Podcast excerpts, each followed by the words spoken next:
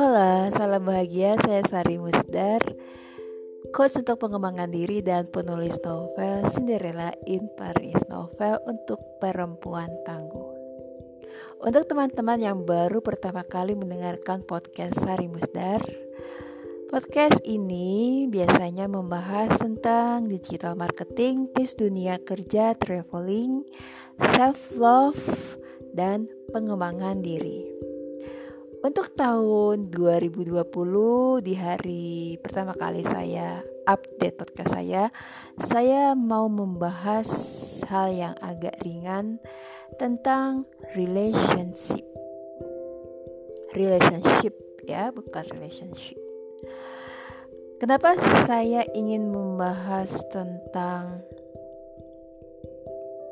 relationship karena kebetulan uh, tadi saya lihat postingan teman saya yang mengeluarkan unek-uneknya saat membaca komentar orang-orang yang menurut dia sih cukup julid atau jahat tentang perempuan yang menulis kriteria calon suaminya. Jadi saya mau membahas tentang perlu nggak sih perempuan menurunkan standar kriteria jodohnya hanya karena faktor umur. Jadi gini tadi sore teman saya posting di Facebooknya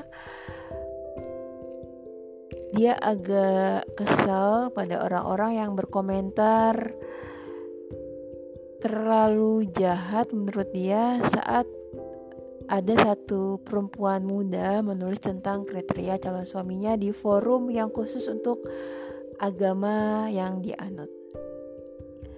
Pas saya baca kriteria yang ditulis itu ternyata gak terlalu muluk-muluk masih wajar dan tidak terlalu fisik atau material materialistik tapi lebih ke kualitas iman dan karakter calon suami idaman menurut dia. Usianya pun masih relatif muda ya 28 tahun. Jadi saya pikir apakah semua hmm, warga plus 62 atau Indonesia kebanyakan tuh punya pola pikir yang seperti ini. Karena tadinya saya pikir hanya beberapa orang di sesama agama saya yang punya pemikiran agak kurang open minded ya. Tapi ternyata pemeluk agama lain pun juga ada yang punya pandangan seperti ini. E, sama-sama perempuan, tapi tidak mendukung perempuan lainnya, justru malah menghina dan memperlakukan seolah-olah perempuan itu seperti barang atau komoditas. Seolah-olah kalau perempuan sudah kadaluarsa menurut istilah mereka atau gak laku-laku menurut istilah mereka juga. Atau misalnya perempuan yang sudah berstatus janda dengan anak sudah cukup besar, seolah-olah tidak punya hak untuk uh, punya impian punya suami yang sesuai dengan impian mereka seolah-olah harus ya udah lo tinggal nerima aja gitu loh kayak gitu jadi perempuan yang seperti ini menurut kriteria mereka harus menurunkan standar kriteria calon suami mereka pokoknya terima aja laki-laki yang datang entah dia mau KDRT mau nggak punya kerjaan dan lain-lain. Seolah-olah menurut mereka perempuan yang sudah lewat kepala tiga tapi masih memegang teguh standar laki-laki idamannya terkesan sombong atau nggak realistis.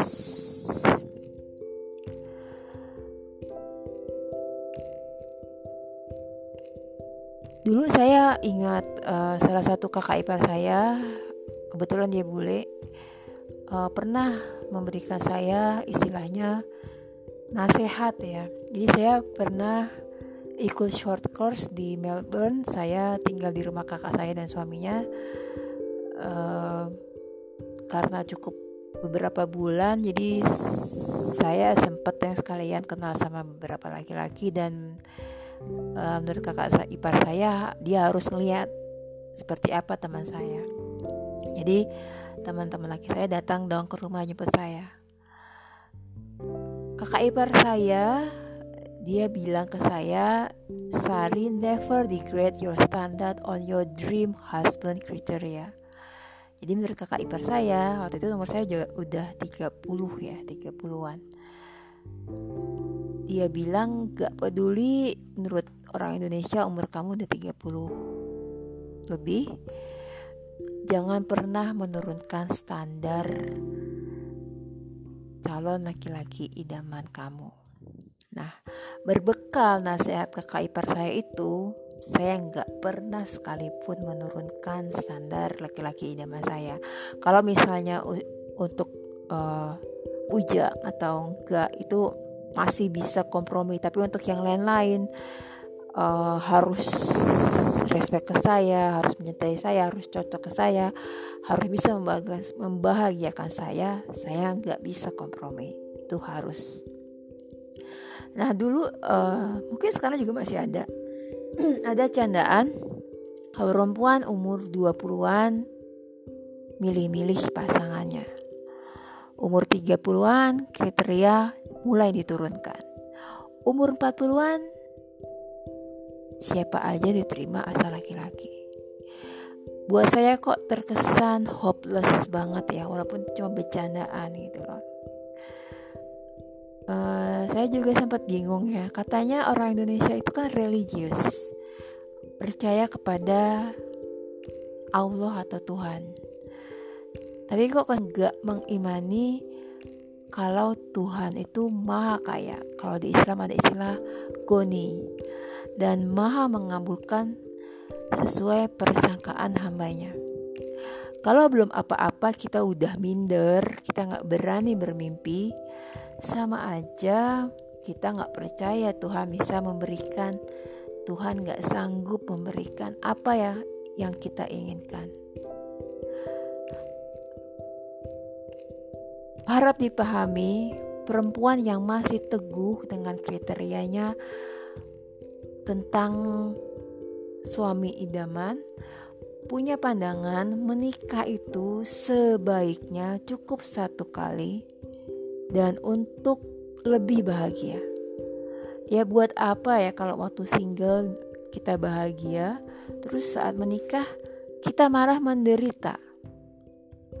Karena kita asal menerima laki-laki yang mendekati karena udah takut dikejar deadline, karena takut status. Ya nggak sih? Kalau kita sendirinya nggak menghargai diri kita, siapa yang bisa menghargai diri kita? Kalau kita nggak uh, mencintai diri kita, siapa yang akan mencintai diri kita kalau bukan kita? Orang lain bisa nginjek-nginjek kita.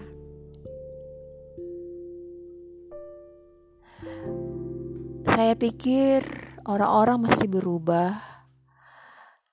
kalau memang mempercayai adanya Tuhan mempercayai adanya keberlimpahan, bahwa setiap orang sudah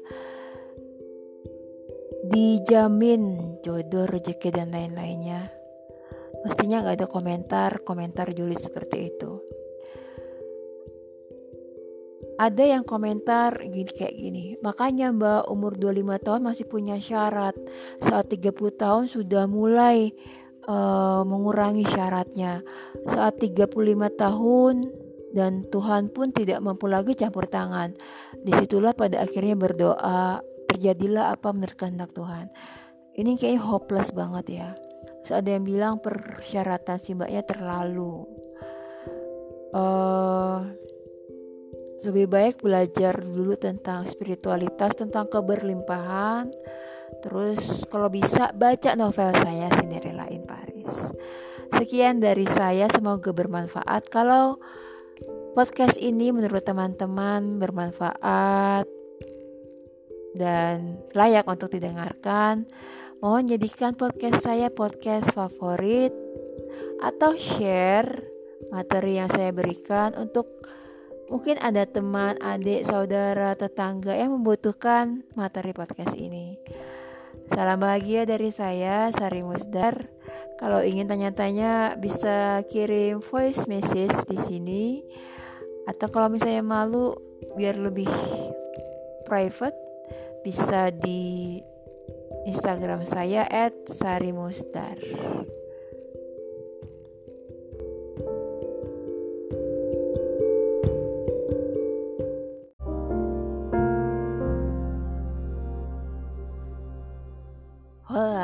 Salam bahagia. Saya Sari Musdar, penulis novel dan buku travel, serta coach untuk pengembangan diri dan digital marketing.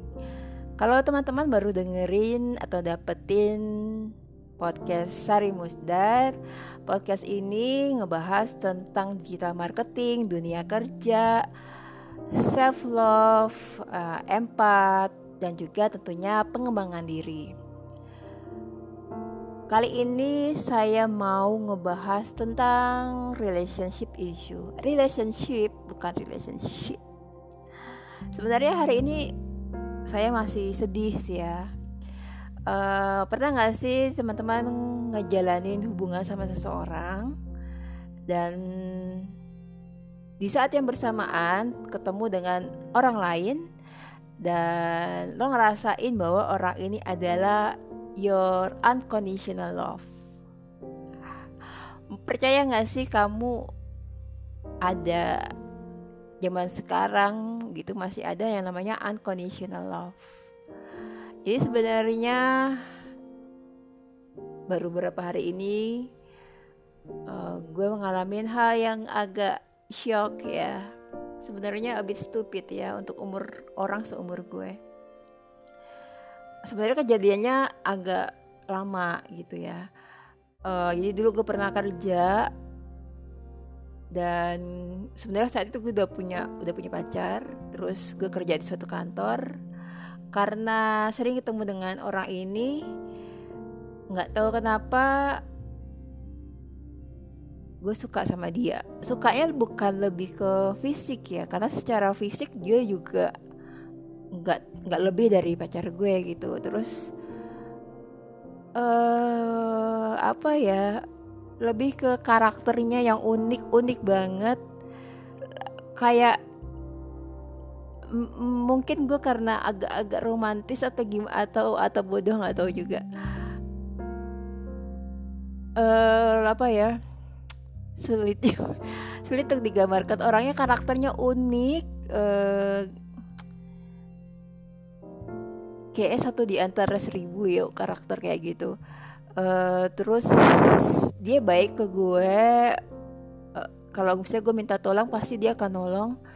Tapi ya sebenarnya uh, waktu itu juga gak ada hubungan apa-apa gitu loh ya. Uh, terus karakternya dia tuh yang diem cool kayak di film-film atau novel karakter tokoh novel gitu deh. Uh, tapi ternyata di balik karakternya yang cool itu ada uh, sosok yang menarik gitu. Uh, dia ternyata dia bisa ngobrol panjang lebar tentang gua, uh, sama gue gitu. Um, terus sampai satu kejadian gue harus pindah kantor pindah kantornya gak enak banget sih sebenarnya gue kepaksa ini juga karena karena gue deket sama dia sehingga akhirnya gue dikucilkan oleh teman oleh kolega kantor dan akhirnya gue memutuskan untuk resign untuk uh, kebahagiaan jiwa gue. Uh, tapi sebenarnya uh, gimana ya? Gue tuh ngerasa gue lebih tertarik ke jiwanya dia. Jiwa gue lebih gue ngerasa jiwa gue lebih lebih tertarik ke jiwanya dia dibandingkan dengan pacar gue gitu. Yang lebih ke uh, tertarik karena mungkin karena apa ya? Ya karena hubungan apa karena sebagai laki dan perempuan. Sebenarnya sama dia itu gue tertarik karena jiwanya gitu. Nggak tahu kenapa bawaannya pengen pengen melindungi dan pengen bikin dia bahagia. Karena bawa, karena tuh orang katanya sedih gitu kan. Ya I know I'm stupid I was so stupid I was stupid. Dan nggak tahu kenapa gue masih penasaran gitu. Pengen banget ketemu sama dia. Sampai sampai uh, beberapa hari yang lalu gue tahu dia ternyata sudah sudah menjalin hubungan. Uh, sebenarnya gue juga udah menjalin hubungan juga ya. Tapi entah kenapa I know I am stupid. Entah kenapa kok ngerasa gimana gitu. I mean uh, gue tuh udah saat itu berapa berapa tahun yang lalu gue udah ngerasa gue berkorban gue udah dikucilin gue udah dibully dan dia ada fight sekalipun gitu. Entah dianya bego atau ya he just not that into me ya. Tapi ya I was stupid. I really really stupid about love I know. Uh, gue tahu gue harus melepaskan orang ini dari uh, segala macam nostalgia saat gue uh, masih satu kantor.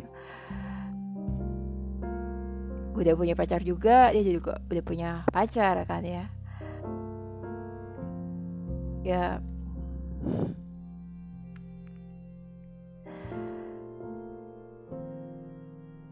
Ya akhirnya ini adalah pengalaman ikhlas yang paling sulit untuk I know I am a stupid person. Gue tuh kalau udah sayang sama orang sayang banget.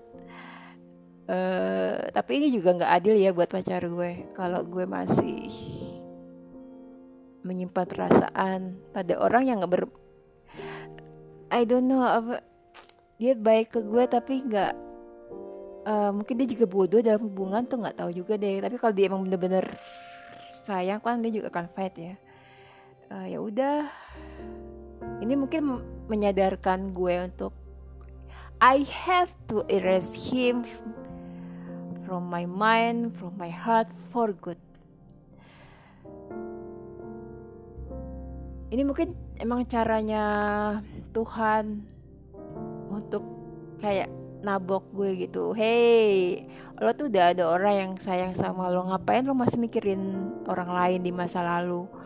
Dan orang yang juga nggak jelas, kan? I know I'm stupid, ya.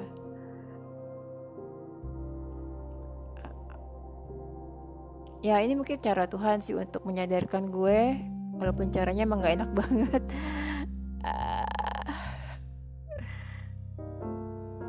ya gue harus pelan-pelan dengan proses pelan-pelan dengan proses gue akan melupakan orang ini.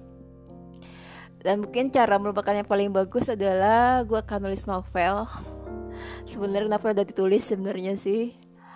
Tapi belum selesai selesai gue akan menulis walaupun dengan hati sakit.